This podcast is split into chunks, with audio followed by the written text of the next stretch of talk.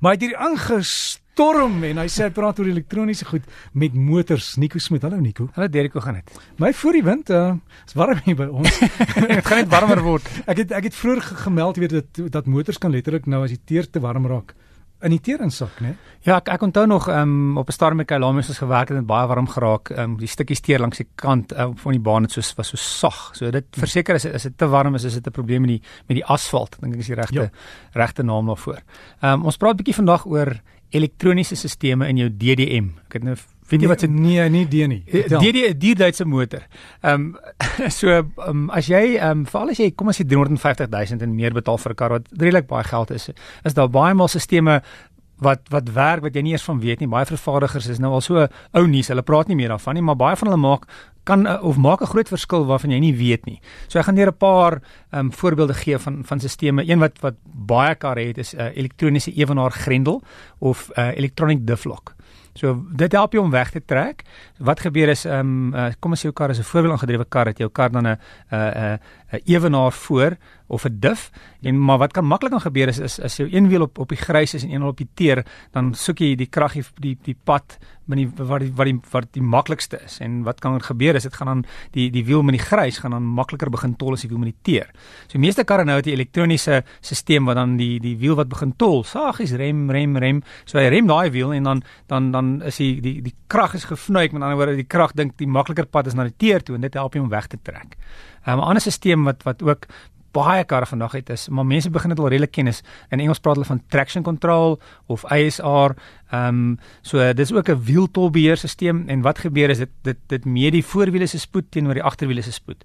En as die voorwiele vinniger as die agterwiele begin beweeg, dan sny dit die kar se krag. As jy wag 'n bietjie, hier's hier's wieltol en dan sny dit die krag en dit help jou om weg te trek. Maar partymal kan dit bietjie ook teen jou tel. Ek het nou ehm um, vir vakansie bietjie weg en ek het gestop ehm um, waar daar so 'n bultjie was. Ek het saam vriende gekamp en ek moes onder weer wegtrek tot bo, maar dit het saggies gereën, so die gras was nat. En wat dan gebeur is die stelsel is kan eintlik 'n probleem wees want sodra ek bietjie wil krag gee dan sny dit die krag. So ek het bietjie teruggegaan, bietjie momentum gebruik en die wieltolstelsel afgesit sodat ek bietjie wielspin kan kry. So dit help jou meeste van die tyd as jy wil wegtrek en en die en die pad is glad, maar dit kan partymal teen jou tel.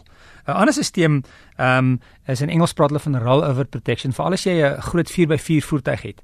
Ehm um, jou jou swaartepunt is baie hoër. So wat maklik kan gebeur is omdat die swaartepunt hoër is, kan die voertuig makliker rol en dan die die die die die teorie agter dit is ehm um, die stelsel gryp dan die binnekantste wiele baie baie hard. So kom ons neem 'n voorbeeld as jy sê nou maar jy ry met 'n 'n kar met 'n gewone handrem op 'n grondpad om 'n draai. Sodra jy die handrem trek, dan gaan hy die agterwiele sluit en as jy agterwiele sluit dan gly die agterwiele. So dit dit dit, dit die agterwiele gly nie die kar word stuur hy die agterkant gly.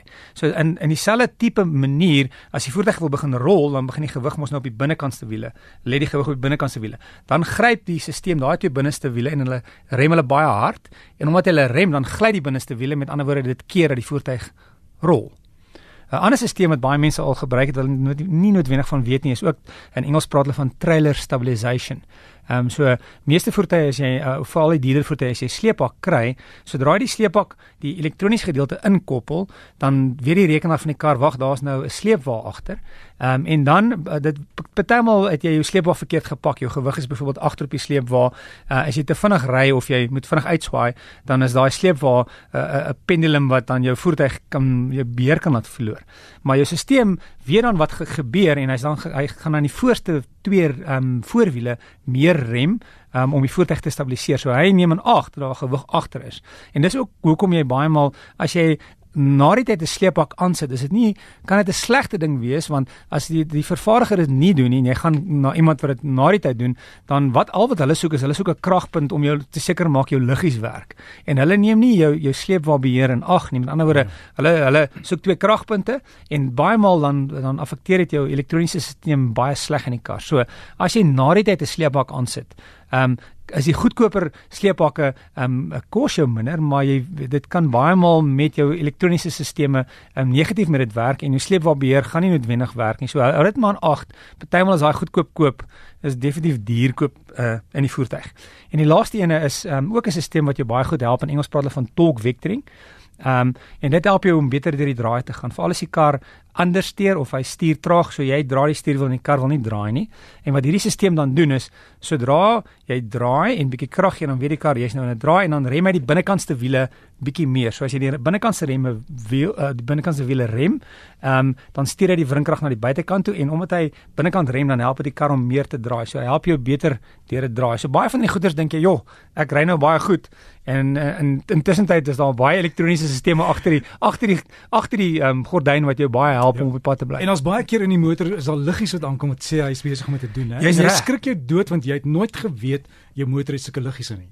Jy sit hom al reg, dis so 'n karretjie wat jy baie maal as die meeste karre nou is, dis 'n karretjie met twee sulke spoortjies.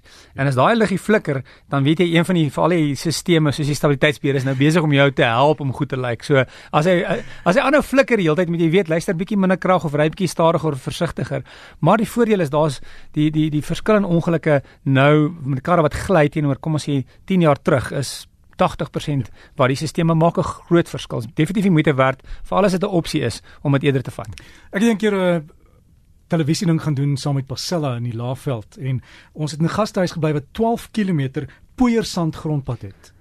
En terwyl ons daar slaap begin dit reën en ons moet terugry Mm. en ek het 'n klein karretjie met al daai goed op. Weet jy hoe lekker was dit om in daai modder te ry? ek het dit ek het dit later weer gaan doen want dit was net so ongelooflik hierdie 12 km en jou motor hanteer en jy gly maar jy het beheer. Ja, dis regtig, dis dis juist hoekom um, en baie maal weet jy dit nie want want jy sien dit nie en veral as die pad baie glad raak, kom jy agter hoe goed dit is. So, maar onthou net altyd een ding, is Newton se wette is nommer 1 en hierdie elektroniese goeder is nommer 2. As jy te vinnig ry, ehm um, en dis 'n 60 km/h draai en jy doen 80, gaan jy dit nie maak nie. So Newton is nommer 1, onthou dit maar altyd. Ja, jy doen en ek onthou die ou het my gevra, is jy alright? Is jy alright? Ek sê "Hier, ek is alright. Ja, ek kan terug. Nikus met baie dankie. Dankie. En ons praat volgende Lekker naweek. naweek. Selfde.